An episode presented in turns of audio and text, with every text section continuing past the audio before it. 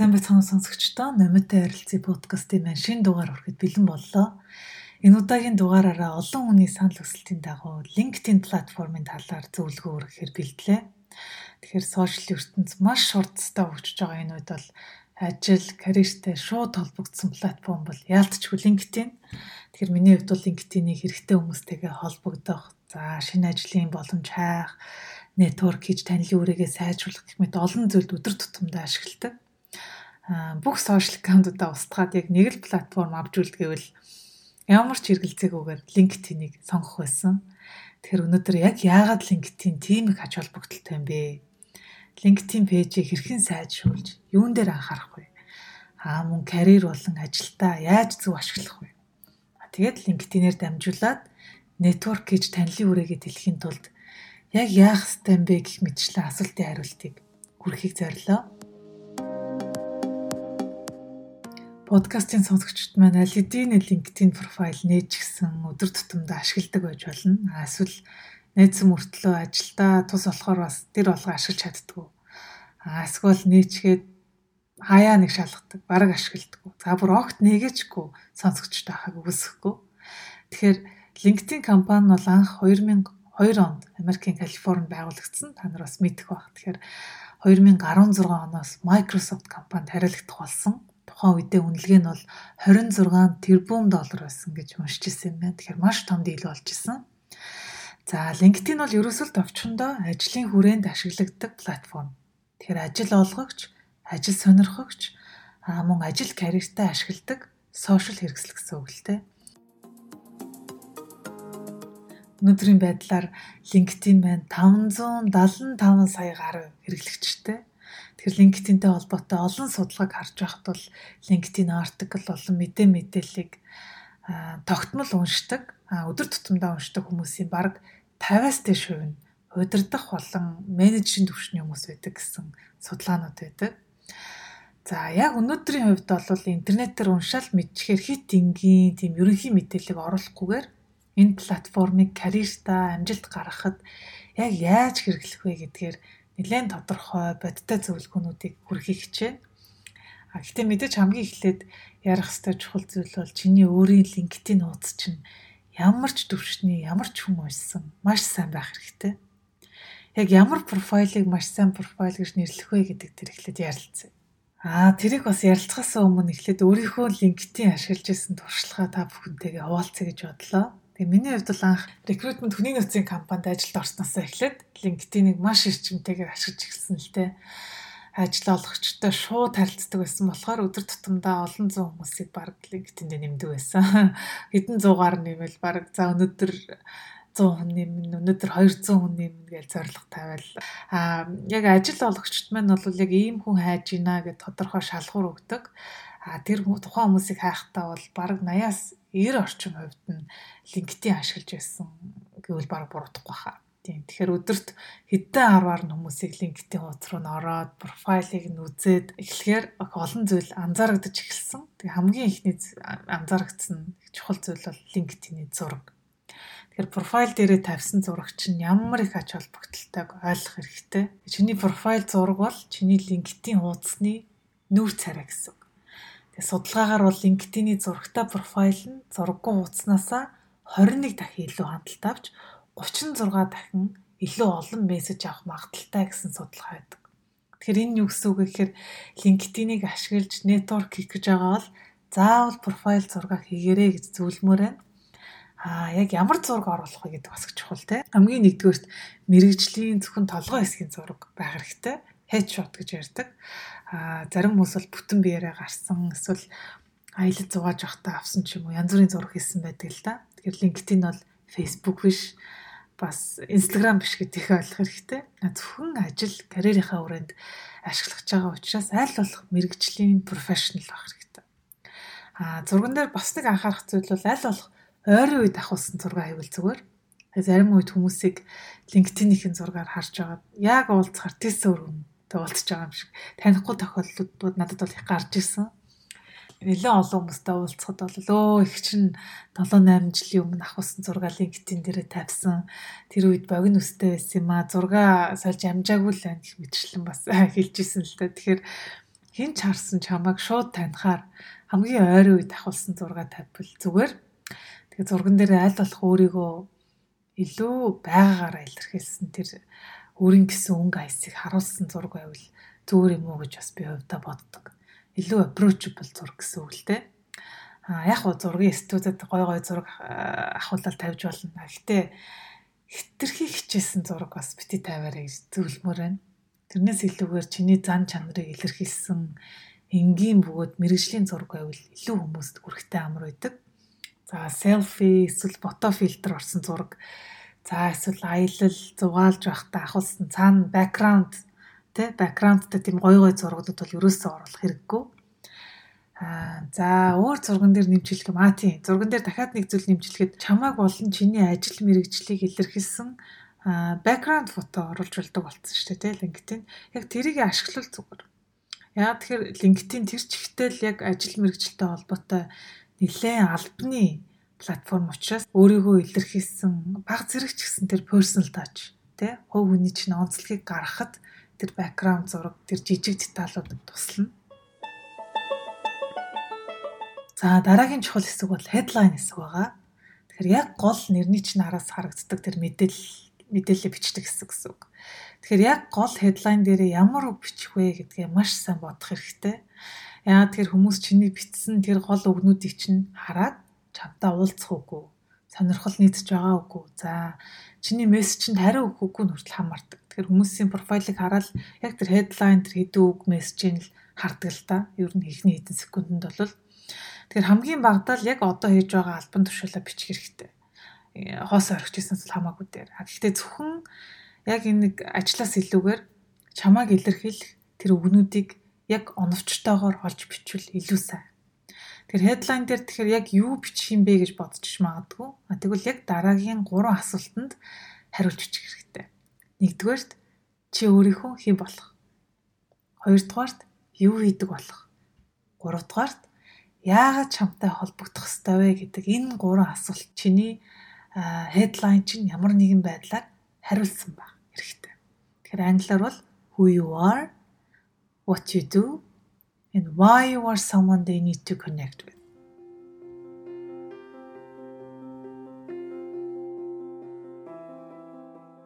За дараагийн хэсэг бол summary хэсэг байдаг. Тэгээ энэ хэсэгт бол бусдад өөрийгөө таниулах чиний хамгийн чухал LinkedIn доторх борон зай. Тэгээ дөрөвний headline дээр бичсэн зүйлээ л арай илүү дэлгэрүүлж бичвэл илүү зүгээр. Тэгэхээр ойролцоогоор нэг 3-аас 5 өгүүлбэр байвал зүгээр. Summary хэсгээр өөрийнхөө тухай бичихтэй. Аа тэгээд юу юу багтаавал зүгээрээ гэхээр яг ямар мэрэгчлэр мэрэгшиж ажилдаг За ямар карьерийн туршлагатай. За манлайлынхаа туршлагыг бичиж болно те. Их товчхон бичвэл зүгээр. Тэгэхээр хамгийн энгийнээр бол чиний ямар компанид ямар ажил хийж байсан чинь бол хамаагүй. А ямар зүйлд passionate сонирхолтой. Ямар ур чадвартай. А тэгээд профайлын үндсэн хэсэг дээрээ дурддагтаагүй өөр ямар ямар салбарт ажиллаж исэн бэ гэх мэтчлэн бусад хүмүүст илүү хүргэмээр байгаа өөрийнхөө тухай тэр мэдээллүүдийг summary хэсэгт оруулах хэрэгтэй гэсэн. Аа тэгээ бичгтээ хүнд хэцүү академик үг хэлэг хэрэглэхгүй байвал зүгээр. Тэгээ аль болох уншихад энгийн хит нурсан клише үг хэллэгээс бол ерөөсөө зайлсхийх хэрэгтэй. Аа тэгээд дөрөм үг үсгийн алдаа гаргаж ерөөсөө болохгүй. Тэг бичсэн зүйлээ дахин дахин хянараа гэж зөвлөмөр байна.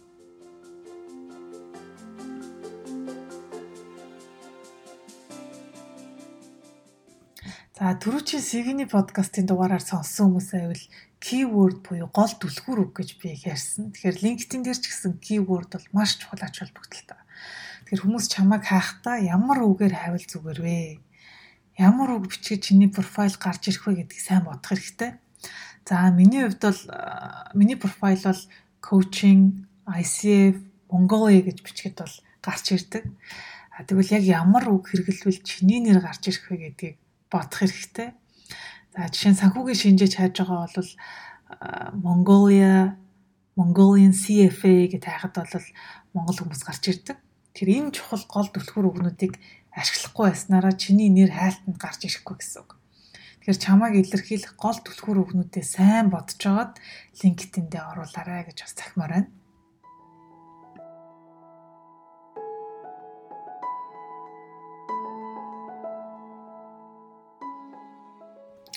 Түлхүүр үгснээс LinkedIn профайлынхаа хаягийг URL гэж ярьдаг те. Анх LinkedIn нэхэд цаанаас өгсөн нэлээд урт өсөг тооны цуглуулах шиг тийм хаяг өгдөг штэ. Тэгэхээр тэр сошиал ертөнцид яг тэр хаягийг бичихэд бол тохиромжгүй байдаг. Их урт тэгээ бүдүүлэг ер нь их болох харагддаг л да. Тийм болохоор энэ хаягаа цэвэрхэн зэгцтэй зөвхөн өөрийнхөө нэр овог болгож өөрчлөх хэрэгтэй. Аа өөрчлөхийн тулд бол аюу энгийн LinkedIn хуудас руугаа ороод edit your profile гэж хэсэг байдаг. Тэгэхээр тэр хэсэг рүү орчоод хамгийн доод талд нь чиний өөрийн LinkedIn хаяг харагдчих хэвээр. Тэгэхээр яг тэрэн дээр нь edit буюу засах гэж товчийг тараад customize your public profile гэж хэсэг байгаа. Тэгэхээр энэ хэсэг рүү н ороод тэгээд 8 цэг жаргал сайхан ч юм уу те өөрийнхөө овг нэрийг бичээд засвал зүгээр. Мэдхгүй сонсогчтой байвал яг одоо ороод хаягаа солиорой гэж зөвлөмөр байна.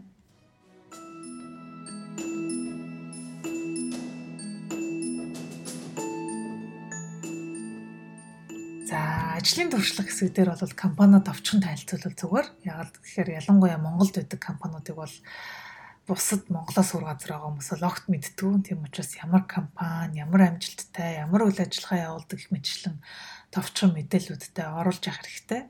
Аа боловсрал хэсэг дээр бол хамгийн сүүлд суралцсан сургуулиасаа эхлээд мэдээлэл он сартай нь оруулах зүгээр.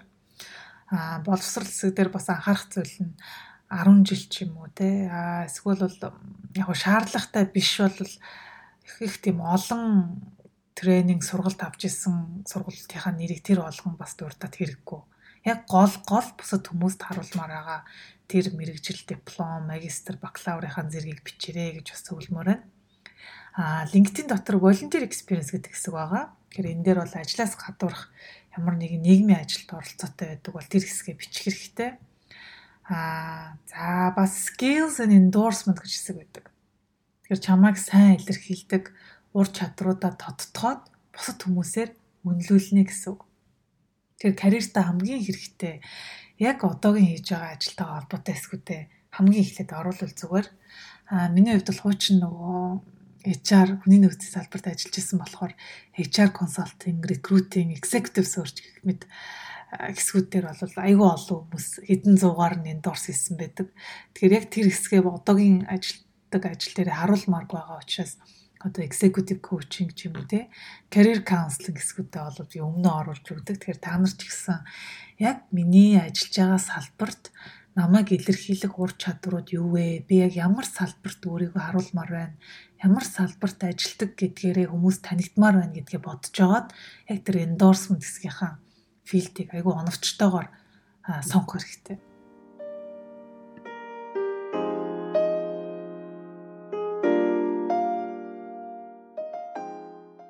Яг CV-гээ яаж өчтдөг вүлээ? Тэрнтэйгээ л адилхан яг чамааг илэрхийлж байгаа сошиал хуудас учраас маш сайн хянаж яг тэр LinkedIn дотроо бичигдэж байгаа үг өгүүлбэр болгондоо анхаарал хандуулах хэрэгтэй. Аа зүгээр resume CV-тэй харьцуулахад Нэг өөр зүйл нь юу гэхээр LinkedIn бол арай илүү нээлттэй байх боломжийг бий болгодог те. Илүү өөрийнхөө арай илүү өөрийнхөө тухай өөрийнхөө зан чанар чи хинбэ ямар зүйл сонирхолтой вэ гэдгээ бусад хүмүүст үнэртүүлэх мэдрүүлэх тэр боломж бол илүү гарч ирдэг гэсэн үг CV-тэй харьцуулахад бол. За профайлаа засах явцдаа хүн болгоны байн хэрэгэлдэг үгнүүдээс татгалзах хэрэгтэй. LinkedIn бас өөрсдөө тийм нийтлэл биччихсэн санагдаж байна. Хамгийн их хүмүүсийн хэрэгэлдэг 10 үг гэж гаргасан байсан.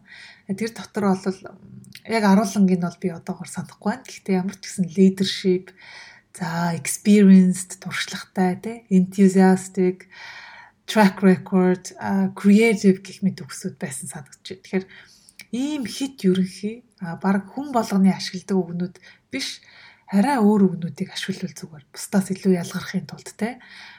За track record гэж бичих оронд магадгүй одоо юу гэдэг performance history ч юм уу те. А credential ч юм уу иймэрхүү үгнүүдийг ашиглаж болно. За тэгвэл одоо хамгийн чухал хэсэг болох LinkedIn ашиглаж танилын хүрээгээ тэлж бусад хүмүүстэй хэрхэн холбогдох вэ гэдэг талаар ярилцъя. Тэгэхээр хүмүүстэй холбогдоход бол хоёр өөр байдлаар хүмүүсийг connection хэсгээр нэмдэг. А нэгдүгээрт таньдаг, мэддэг, хүндэлдэг хүнтэйгээ холбогдох. Хоёрдугаарт сайн мэдэхгүй мөртлөө чиний ажил, карьерт хэрэгтэй хүмүүсийг олж холбогдох гэсэн хоёр чухал хэсэг байгаа.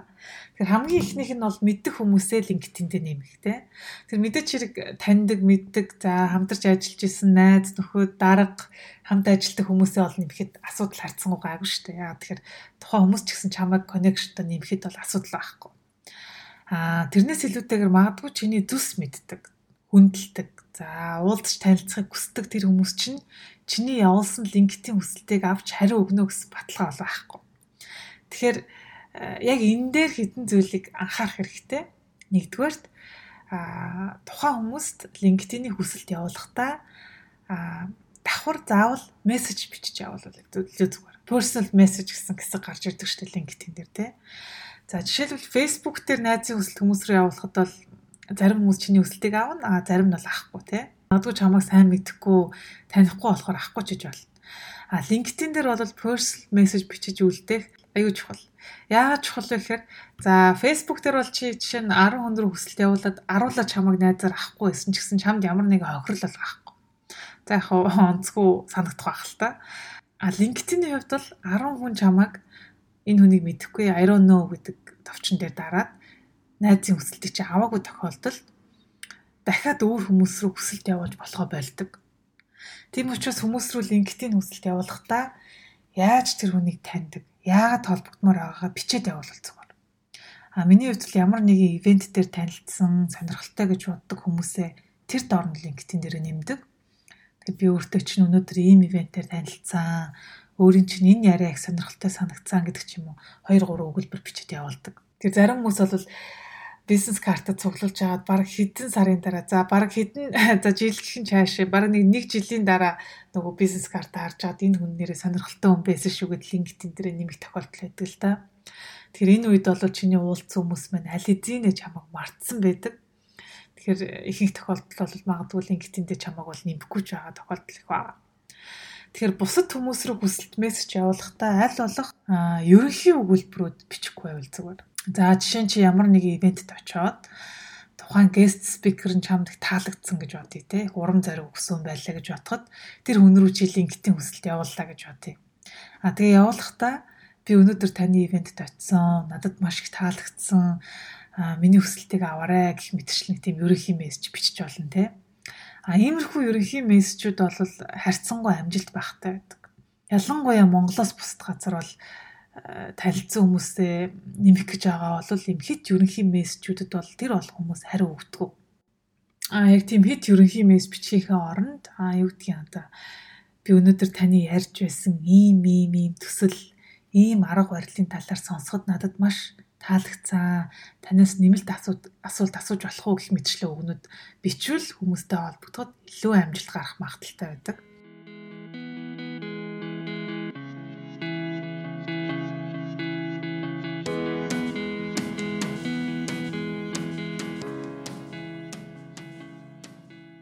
А бас сайн мэддэг хүмүүсээ LinkedIn дээр нэмээгүй тохиолдод идэг шүү дээ. Хамгийн сайн мэддэг найз нөхдөө LinkedIn дээр оруулаагүй эсвэл нэмэхээ мартсан байдаг. А энэ тохиолдолд бол email sync гэдэг товч байдаг LinkedIn дотор. Тэгэхээр имэйлэн дээр байгаа чиний контакт бүх хүмүүсийгээ LinkedIn рүүгээ холбоод а тэгээ тэр хүмүүсээ бас нэмчүүл зүгээр.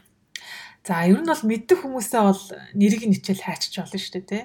Тэгэхээр хайрцангуй амар. А тэгвэл миний бодлоор бол LinkedIn-ийн хамгийн ашигтай карьер туслах хэрэгсэл бол тийм хязгааргүй олон тэр сая хүмүүсээс яг чамд хэрэгтэй хүмүүсээ наривчлан хайж болдгоор л давуу талтай. Тэгэхээр миний хувьд бол LinkedIn-ийг өөрийнхөө салбарт ажиллаж байгаа амжилттай хүмүүстэй танилцахад, ментороо олоход, за мундаг туршлагатай хүмүүсээс суралцахад ашиглах туртай. LinkedIn-ээр дамжуулаад бол би маш олон хүмүүстэй уулзж ирсэн. Маш олон зүйлийг суралцсан. Ямар ч сургалт э, хичнээн ч ном уншснаас илүү яг нүүр нүрээ харж уулзаад, ярилцаад тухайн хүмүүсээс сонсох нь шин мэдлэгийг олоход, шин санааг олоход хамаагүй илүү үр дүнтэй гэдэгт бол би 100% итгэдэг. Тэгэхээр таньж мэдхгүй хүмүүстэйгээ хэрхэн харилцаа тогтоох вэ гэдэг талаар ярилцъя. Тэгээ хүмүүс бол би танихгүй юм чинь миний хүсэлтийг авахгүй бол яах юм би юу гэж үчгээ мэдэхгүй байна. За за гэдэг ингээ орох тохиолдод их байдаг шүү дээ. За тэгэхээр хамгийн эхлээд хүмүүсийг хэрхэн хайж олох вэ гэдэг дээр ярилцах хэрэгтэй байна. Тэгэхээр нэрийг санахгүй байгаа мөртлөө уулцсан үнэ хайж олох. байж болно те.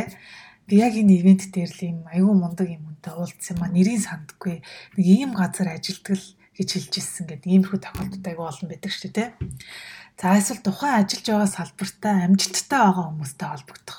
За эсвэл ажил олгогчийн зүгээс яг хүссэн үнэ олоход LinkedIn тусалдаг. Тэгэхээр миний хувьд бол хамгийн анх Google search хэрэглэдэг байсан. Тэгэхээр зарим нэг үр дүн результууд яг LinkedIn-ээр гарч ирдэггүй харагддаг байсан л та. Тийм болохоор Google search илүү амар санагддаг байсан. Жишээлбэл за Монголд санхүүгийн захирал хайж байгаа бол CFO гэдэг Chief Financial Officer тий. CFO Mongolian LinkedIn гэж бичээд хайхаар яг санхүүгийн захирал Монголд ажилладаг бүх хүмүүсийн нэрс гарч ирдэг байсан л да. Аа тэгээд нэг нэгээр нь профайл руу норж үзэж чад холбогддог байсан. А дараа нь бол LinkedIn-ийг илүү сайн мэдээж туршлагаж за search буюу хайлт хийхдээ янз бүрийн жижиг техникийг ашиглаж сурсан. За хамгийн ихэнд LinkedIn-ийн advanced search хэсгийг сайн хэрэглэж сурах. Аа саяхан нэг 2 3 7 хоногийн өмнө надтай нэг оюутан охин холбогдсон л тоо. Тэгээд Монголд Tinto оюутлахад ажиллах хүсэлтэй. Тэгэхээр тэнд ажилтдаг хүмүүстэй яаж холбогдох вэ? Тэнд ажилтдаг хүмүүсээс туршлага сонсох гэсэн юм аа гэж асуусан байсан. Тэгээ миний хариулт бол та бүхэн гадарлаж байгаа маш энгийн LinkedIn ашиглаж сурах. Тэгэхээр Yotento-гийн жишээг нэгэн дурдсан дээр би одоо яг та нартай ярилцсангаа LinkedIn хэсгийн advanced search дээр хэдүүлээ хайлт хийж үзье л да. За хайлт хийхдээ advanced search all people filters хэсгээр current companies гэж хэсэг байгаа энэ хэсэг дээр Rio Tinto оюу толгой гэдэг хэсгүүдийг сонгоё те. А тэгээ location буюу байршил дээр нь Mongolia үгийг байна. Вау тэгэхээр 22385 хүмүүс гарч ирж байна. Тэгэхээр оюутлахаа гэдэг нэр LinkedIn-д нь орсон, оюутлахаа компанид ажилладаг хэдэн 100 хүн гарч ирж байна гэсэн. Тэгэхээр энэ бол хитрхи олон хүн ба шүү дээ. Тэгэхээр илүү хайлтаа нарийн болгоод За магадгүй одоо миний ажилтг салбар, ажиллах хүсдэг салбар, хүний нөөцийн салбар гэж болно те. Тэгэхээр keyword буюу түлхүүр үг дээр нь HR буюу хүний нөөц гэж бичээд үзье. За ингэж хайхаар хоёудлахад ажилтдаг, Монголд байдаг, хүний нөөцийн департамент ажилтдаг 121 хүний профайл гарч ирж байна. Тэгэхээр оюутлогоо компанид хүний нөөцийн хэсэгт ажилтдаг 100 гаруй хүмүүс рүү мессеж бичиж холбогдож энэ ажлын тухай судалж суралцахад чиний өмнө бүрэн боломж байна гэдгийг ойлгох хэрэгтэй. Аа мэдээч хэрэг битсэн бүх хүн чинь чам руу хариу өгөөд уулзна гэж бол байхгүй шүү дээ. А гэхдээ 10 хүн рүү бичгээд ядаж 5 нь бол заавал хариу өгнө. Тэгэхээр энэ жишээгээр би яг юу гэж хэлэх гээд байна гэхээр ажиллахыг хүсдэг компани байдаг бол дотор нь ажилтдаг хүмүүсийг нь олоод хүсэлт явуулаад мессеж илгээгээд хамт кофе. Санаа зовж ичих хэрэг ерөөсөй байхгүй чил мессежээ зөв илэрхийлж чадвал 30 минут кофе уух зав тэр хүмүүс бол чамд гаргана. Ялангуяа Монголд бол харьцангуй нэлттэй шүү дээ. Тэгэхээр заавал ажил хайх биш за бизнесийн чадвараа хөгжүүлэх гэж бусдаасаа суралцах гэж нэтворк хийх ч юм уу те олон шалтгаанаар хүмүүс рүү reach out хийж мессеж бичиж болно. Тэгэхээр санаа зовлтгүйгээр холбогдоод өөрийн чинь ажил болон карьер хөгжил өөрчлөлт авчих тэр хүмүүс рүү тогтмол мессеж явуулж уулзаж шинэ хүмүүстэй танилцаарай гэж зөвлөмөр байна.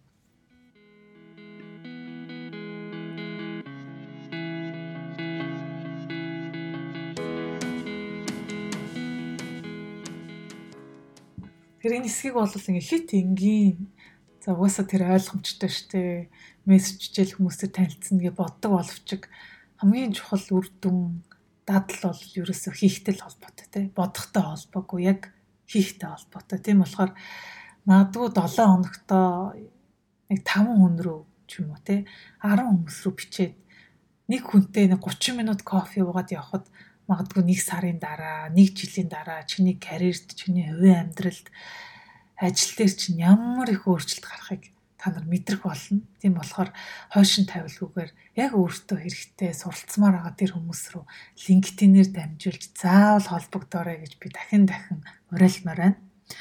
Аа ер нь зөвхөн Монголд шилдэг одоо англи улсад ч гэсэн ажлын байрны бараг 30-аас 40% нь зөвхөн танилын үрээгээр болон connection дээр үндэслэж олгодог гэсэн судалгаанууд гарсан байдаг. Тэгэхээр Монголд л хүмүүс ингээ connection-а танил талаараа ажил олдог бол зүйл гэж ярьдаг боловч энэ бол дэлхийн хаан ч өөр газрууд байдаг. А зүгээр ялгаатай зүйл нь юу гэхээр танил тал гэхээсээ илүүтэйгээр connection. Чи хэнийг таних вэ те? Чиний таньж байгаа хүн чин тэр компанид ажилладаг ямар ажлын байрнуудыг чамд санал болгох вэ гэдэг ч юм уу. Иймэрхүү байдлаар арай илүү профешнл төвшөнд явагддаг л та. Тэр хүмүүстэй зөв нэтворк гэж холбогдно гэдэг бол орчин үеийн хамгийн чухал ур чадвар нэг бол ялтч хүмүү. За тэгэхээр би өөрийнхөө жишээг та бүхэнтэйгээ суулцъя. Сонирхолтой байж магадгүй. Тэр анх коучингоор суралцаж эхэлж байхдаа бол их олон хүмүүсээ суралцмаар өөр өөр коучинг гэдэг хүмүүсийн туршлагыг сонсохыг аюу хүсчихсэн л та. Тийм болохоор би бол ICF coach, mental health, psychologist гэх их олон түлхүүр өгнүүдийг ашиглаад LinkedIn-ээр дамжуулж маш олон хүмүүс рүү холбогддог байсан. За баг өдөр за баг 10-аас 20 хүн рүү мессеж бичдэг байсан баха. А тэгээд яг өөрийнхөө хүндэлж явдаг. Тэгвэл яг тэр салбартаа амжилттай явж байгаа ч юм уу те. Тэр хүмүүс рүүгээ бичээд тэгээ бичгтээ бол нэг бүрчлэн их бодож тухайн хүн юу хийдэг вэ, юу судалж гин, ямар мессеж бичвэл надад илүү хариу өгөх магадaltaй вэ гэж нэлээд бодож бичдэг байсан. А тэгээ кофе ууж чадахгүй нөгөө хүмүүс маань нэрээ өөр оронд байдаг бол ядаж 7 хоногт нэг хүнтэй Skype call хийдэг байсан. Тэгээ одоо ч гэсэн тогтмол тэр дадлаа алдаг байгаа. Тэгэхээр хэдийгээр одоо ном унших олон мэдлэгийг олж авдаг ч гэсэн яг энэ хүмүүстэй уулзаж энэ хүмүүсийн зөвлөгөөг авсан миний карьерийн хувьд бол хамгийн том өөрчлөлтүүдийг авчирсан гэж бол би боддог. Аа тэр чинээгээр ч гэсэн өдөр тутамдаа маш их зүйлийг сурч авдаг. Тэгээ өдөр тутмын хүмүүс бол мэдээж хэрэг их завгүй байдаг л та. Танихгүй хүмүүст бол хариу өгөхгүй тохиолдлууд бол их байгаа тий. Тэгэхээр тэр үед яаж нүнтэй ямар замаар яг яаж холбогдох вэ гэж бол нэлээд боддог байсан. Тэгэхээр ухаалгаар хайлтаа хийхийг зорддог байсан гэсэн үг л те. За ухаалгаар хайлт хийх гэдэг дээр юу гэж хэлээд байна гэхээр за жишээлбэл би салбартаа тэргүүлэгч CEO захирал нартай уулзаж танилцмаар байлаа гэж бодъё. За энэ бол миний одоо энэ сарын зорилго байлаа гэж бодъё шүү дээ те. Нетворкинг хүрээнд. Тэгэхээр хамгийн эхлээд бол би өөртөө байгаа ямар нетворк, ямар өгөгдлөө ашиглаж болох вэ гэж боддог. За жишээ татхад аа би яг одоогор чивний тэтгэлгээр суралцж байгаа болохоор чивний тэтгэлэг авч ирсэн англи цөөрөн ажилдаг эсвэл англиас өөр оронд байдаг бүх удирдлагын төвшний хүмүүсийг LinkedIn-ээр хайж агаад тэгээ яг сонирхол татсан хүмүүс рүүгээ бүгднлүү мессеж явуулах бас. Тэгэхээр би энэ жилийн чивнэр байгаамаа. Таны туршлага энэ чиглэлээр ажиллаж байсан чинь их сэтгэл төрүүлээ. Танд ойрын хугацаанд кофе хугацаа байгаа юу те? Бүр завгүй бол 30 минут Skype call хийх зав хэрэг байна гэдэг ч юм уу те. Гэтэ зүгээр автомат маягийн мессеж явуулж болохгүй л те. Яг үнэн сэтгэлээсээ сонирхол төрсөн суралцмаар байгаа тэр хүн тус бүрлүүгээ яг бодтой сэтгэлээсээ tailored message бичнэ гэсэн. За за заавал тэтгэлэг чивнэн гэлтгүү олон нийтийн ажлаас гадуурх коннекшнч ашиглаж болно те. За энэ жил бол би сургуулаа их ашигласан. Тэгэхээр Warwick-ийн сургуулийг төгссөн удирдлагуудын листийг бараг хэдэн зуугаар LinkedIn-ээр хайж агаад яг миний сонирхол татсан уулзмаар байгаа хүмүүс рүүгээ нэг бүрчлэн бичсэн. Тэгэхээр би энэ жилийн Warwick-ийн их сургуулийн төгсөгч байгаамаа гэж бичих юм бол тухайн хүмүүс надад хариу өгөх магадлал арай өндөр л дөө. За хэрвээ ямар ч connection байхгүй үнтэйгээ яаж холбогдох вэ гэж бодож иш магадгүй те. За тийм үед бол тэр хүний LinkedIn пэйжийг нэг нэгэнгүү үзээд судалгаагаа хийгээд зарим үед бол сошиал пэйжийг ч гэсэн сайн шалгаж агаад common interest гэж ярьдаг те сонирхол нийцсэн тэр сэдвийг нь олох хэрэгтэй гэж би зөвлөмөр. Тэгээ одоо үед бол цаг хугацаа бол хамгийн үнцэнтэй зүйл. Тэр хичнээн гоё урайлахын мессеж бичсэн ч гэсэн хүн болгон чамд өөрийнхөө тэр алтан цагийг зориулна гэж бас бодож болохгүй шүү дээ. Тийм болохоор ямар байдлаар яаж тэр хүн рүү холбогдох вэ гэдэг тэр чи өөрөө хүчин зүтгэл гарах хэрэгтэй. За жишээ нь түрүүн сард бол миний нэг очсон сэтгэл зүйн форумын илтгэгч сэтгцэн юм чи яриа надад маш гүн сэтгэл төрүүлсэн л дээ. Тэгээ бид нар ярианыхан дараа баг 2 3 цаг парк дээр очиод хэлсэн үгнүүдийг бодоод уншаад надад бол их гүн сэтгэл төрүүлсэн хүн байсан. Тэр ивентэд бол нэлээд том форум байсан учраас 100-аас илүү хүмүүс очисон байсан болохоор яг тухайн ивентэд би очисон гэдг нь надад хариу өгөх хангалттай шалтгаан болж чадахгүй гэж үзсэн л дээ. Тийм болохоор би тэр эмэгтэйг э, Twitter болон сошиал хуудсыг нэгд нэгэнгүү шалгасан. Нилээн стокинг хийсэн гэсэн үг л дээ. Аа тэгээд өртөн гаргаж ирсэн янз бүрийн судалгаа артиклуудын бүгдийг олж унссан. тэгээ зарим нэг зүйл нь бол үнэхээр миний сонирхлыг татчихсан л та. Тэгэхээр яг түрүү жилийн таны энэ бичсэн судалгааны ажил надад маш гүнзтгэл төрүүллээ. Тэгээд уншиж явах явцад надад ийм ийм асуултууд гарч ирлээ. Тэгэхээр энэ талаар тантай уулзаж кофе ууж ярилцахыг хүсэж байна гэд LinkedIn-ээр мессеж утсан. Тэр сэтгэл зүйч бол миний мессежийг маш уриалхан хүлээж авсан. Тэгээд бид тээр уулзаад баг 30-аас 40 минут уулзах байснаа 4 цаг гарав тэр эмэгтэйтэй судалгааных нь ажил за сүүл рүүгээ карьер за бараг хувийн амьдралын талаар ингээ ярилцаж маш гоё дотн харилцааг эхлүүлж маш гоё сонирхолтой яриа өрнөсөн. Тэгэхээр сонсогч маань миний хэлэх гээд байгаа санааг бол одоо сайн ойлгож байгаа болов уу гэж найдаж байна. Тэгэхээр ямар хүмүүстэй уулзмаар вэ? Юу сурмаар вэ? Ямар компанийн талаар мэдээлэлтэй болмоор вэ? Хүндэлж биширч явдаг ямар хүний зөвлөгөөг сонсомоор байна? Хариулт нь ерөөсөө чиний хүчин зүтгэлээс шалтгаал. Зөвхөн чамаас шалтгаал.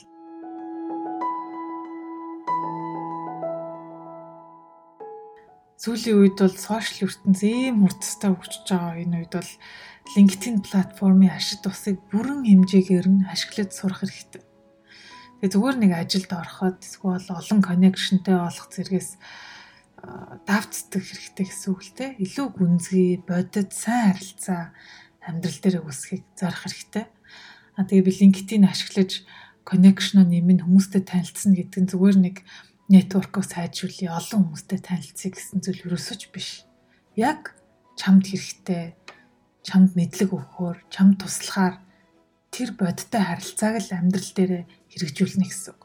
Түүнээс ч зүгээр хоосон те хүмүүстэй харилцаа шинэ хүнтэй танилцаал өнгөрөх, нэг удаа уулзаал өнгөрөх тийм зүйлийн талаар бол огт яриаггүй шүү гэдгийг сануулмаар байна. Аа түрүү нэрээ хайлт хийж яхад нэг зүйлийг мартсан байна. Тэгээд хайлт хүмүүсийг хайж яхад бол янз бүрийн хайлтын жижиг техникүүдийг ашиглавал зүгээр. Тэгэхээр бүүлийн суурч гэж нэрлэдэг. А энэ юу гэсэн үг гэхээр and, not, or гэдэг үгсийг ашиглаж ухаалгаар хайлтыг хэлж байгаа байхгүй. Тэгэхээр за жишээлбэл чи яг борлуулалтын менежер, sales manager гэдэг албан тушаалтай хүнийг LinkedIn-ээс хайхаж гин гэж бодъё те. А зүгээр шууд sales manager гэж биччих юм бол sales, борлуулалт гэдэг үг орсон бүх хүн гарч ирдэг. Тийм болохоор яг тодорхой албан тушаалын нэрштэй хүмүүсийг хайх чагаа бол хашилт хэрэглэх хэрэгтэй. Хашилтын дотроо sales manager гэж бичиж хайх юм бол яг энэ албан тушаал дээр байдаг хүмүүсийн жагсаалтыг олж харна гэсэн. За, note гэдэг үгийг бас ашигладаг. За, жишээ нь маркетингийн ажилч хайж байгаа мөртлөө маркетингийн менежер ч юм уу эсвэл захирлын төвшөнд хайгаагүй байж болно шүү дээ. Маркетинг спешиалист хайж байгаа гэж болно. Аа, иймэрхүү тохиолдол яадаг вэ гэхээр marketing specialist not manager гэд хайлттай хийж болдог. Тэгэхээр marketing specialist гэдэг нэртэй хүмүүс гарч ирнэ. А гэхдээ manager гэдэг нэртэй хүмүүс нь автоматар асагдана гэсэн. За, хоёрдугаарт нь or гэдэг үгийг ашигладаг. Эсвэл гэсэн үг шүү дээ, тэ. Тэгэхээр за борлуулалт юм уу, маркетингийн аль алиныг нь хайж болно, тэ. Аль нь ч хайж болно. А тэр үед бол sales тэгээд or маркетинг гэж хайлттай байдаг. Тэгэхээр энэ үгнүүдийг бол дандаа capital letter буюу томоор бичих хэрэгтэй анхаараарай. Аа тэгээд and гэдэг үгийг бас ашигладаг. За жишээ нь санхүүгийн салбарт ажилладаг мөртлөө нэгтлэн ботхоор бас ажиллаж исэн туршлагатай. Аа мөн дээрэс нь мэрэгсэн нэгтлэн болцсон одоо монголоор CPA гэдэг те ийм зэрэгтэй хүмүүсийг хайж байгаа гэж бодъё. Тэгэхээр accountant and finance and CPA гэж хайвал зүгээр. Тэгэхээр санхүү нэгтлэн CPA гуруулаа нэг зэрэг орсон хүмүүс гарч ирнэ гэсэн. За иймэрхүү үгнүүдийг ашиглаж хайлт хийхэд их энгийн юм шиг мөртлөө их ач холбогдолтой. Их олон цагийг хэмнэдэг. За ялангуяа recruitment борлуулалт хийдэг залуучууд сонсож байгаа бол иймэрхүү shortcut жижиг жижиг LinkedIn-тэй холбоотой техникүүдийг сайн сураарай гэж зөвлөмөр байна.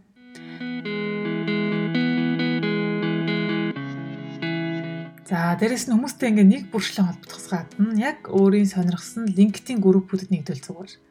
Энэ яадаг вэ гэхээр илүү олон хүмүүстэй шууд харилцаа тогтоогод яг санал бодлоо илэрхийлэх боломжийг олгодог л та. А мөн дээрэс нь ядаж 7 хоногтой ч юм уу те 10 хоногтой нэг удаа LinkedIn дээрээ ямар нэгэн артикл мэдээллийг шеэрлж ивэл зүгээр. А ер нь хүмүүс бол ингээл Facebook дээрээ, Instagram дээрээ баг өдөр тутамдаа л story ч юм уу ямар нэгэн зүйлийг шеэр хийдэг мөртлөө LinkedIn дээр ямар ч итгэхгүй байдаг л да. Тэгэхээр ядаж 7 хоногт нэг удаа ямар нэгэн мэдээллийг бусад хүмүүстэйгээ бусад коннекшнтэйгээ хуваалцаарай гэж бат. За LinkedIn-тэй холбоотой бас нэг асуулт их олон гарч ирдэг. Энэ нь юу вэ гэхээр огт уулзалтдаггүй тий олон сар яриаггүй хүмүүстэйгээ яаж харилцах зүгээр вэ гэж хүмүүс их асуудаг.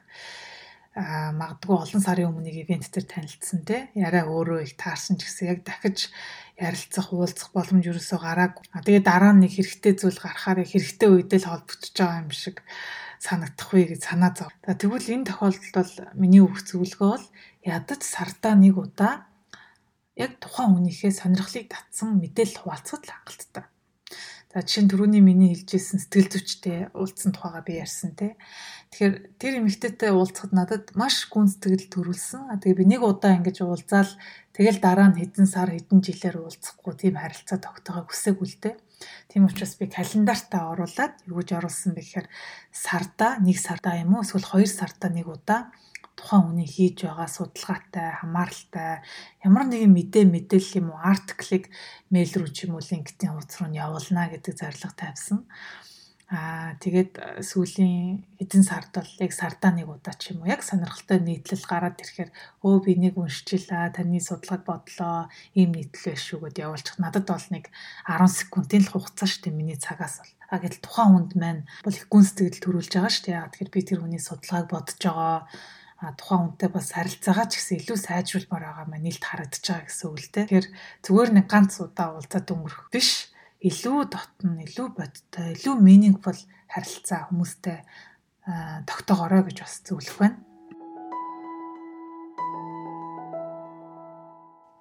За тэгээд төгсгөлд нь хэлэхэд бол ганцаараа хичнээн хичээгээд хичээгээд хол бол явахгүй.